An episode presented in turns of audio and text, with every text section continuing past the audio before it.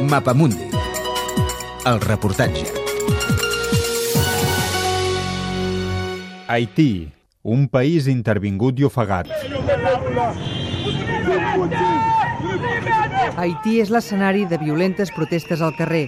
La greu crisi econòmica que té el país, sumat a les sospites de corrupció del govern de Jovenel Moïse, acusat de robar milions de dòlars del programa d'ajuda de Venezuela Petrocaribe, han encès el país. Els incidents han provocat un nombre indeterminat de víctimes. El país ocupa el lloc 165 a l'índex de desenvolupament humà elaborat per les Nacions Unides. El 80% dels seus 12 milions d'habitants viu sota el llindar de la pobresa. Rosa Parés és una cooperant catalana que viu a Haití.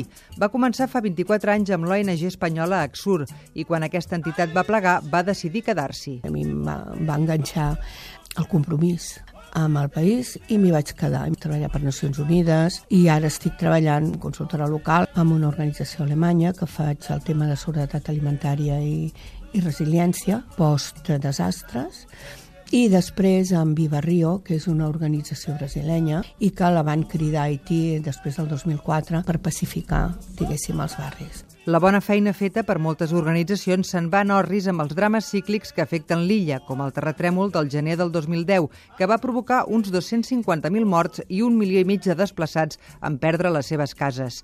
Anne Doris Lapomeré, arquitecta de 31 anys, formada a Barcelona, va tornar a Haití per contribuir a la reconstrucció del seu país. Treballa per al govern supervisant la construcció de nous habitatges per a persones afectades pel sisme. La seva feina topa amb la corrupció endèmica de la classe política. Hi ha alguna millora en la construcció d'edificis i, i equipaments públics, es fan manuals de construcció per ajudar els ciutadans a construir les seves cases, però els funcionaris no fan el seguiment després. Llavors estic segur que hi haurà una mica menys de destrucció, però sense molt diferència que el terratrèmol que va passar a l'any 2010. La situació als carrers de la capital, Port-au-Prince, és de tranquil·litat soterrada. En qualsevol moment pot tornar a esclatar la violència. La majoria de la població se sent cada vegada menys segura pel carrer. Un matí ens despertem i trobem persones morts en una zona de la capital i l'Estat mai té resposta. Anem fent les nostres coses tot el dia, però amb por a l'estómac perquè no sabem què pot passar. Haití és un país que no ha pogut decidir mai per ell mateix. Superat el període colonial, va proclamar la primera república negra el 1804, però no va ser reconeguda internacionalment i la van condemnar a l'aïllament.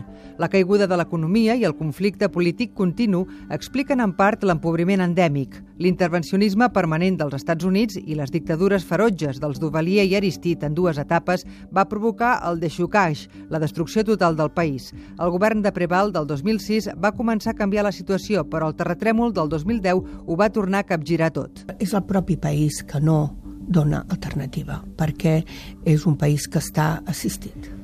I quan tu estàs assistit, penses poc en el futur, tens pocs somnis de, de futur i de, de construcció. No sé, aquesta utopia possible és impossible. La situació de crisi permanent del país afecta el sistema educatiu en tots els nivells. El govern no inverteix en la xarxa d'educació pública i els joves s'han de buscar la vida a l'estranger. Les escoles públiques s'estan deteriorant dia a dia.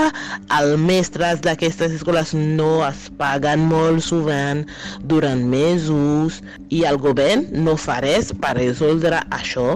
Estem en un país on hi ha tantes persones que no tenen la possibilitat d'accedir a l'educació, que és un dret humà bàsic. Cuba i Venezuela ofereixen beques per estudiar medicina, agronomia i veterinària, però quan els estudiants tornen al país amb la intenció de treballar a l'administració, la desídia del govern els ho posa molt difícil.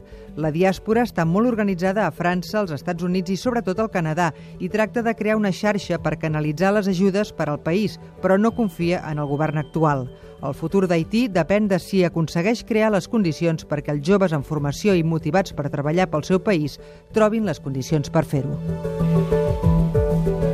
És un reportatge de Roger Balcells i Mireia Sala amb el muntatge musical de Jordi Galbany, disponible al podcast del Mapa Mundi.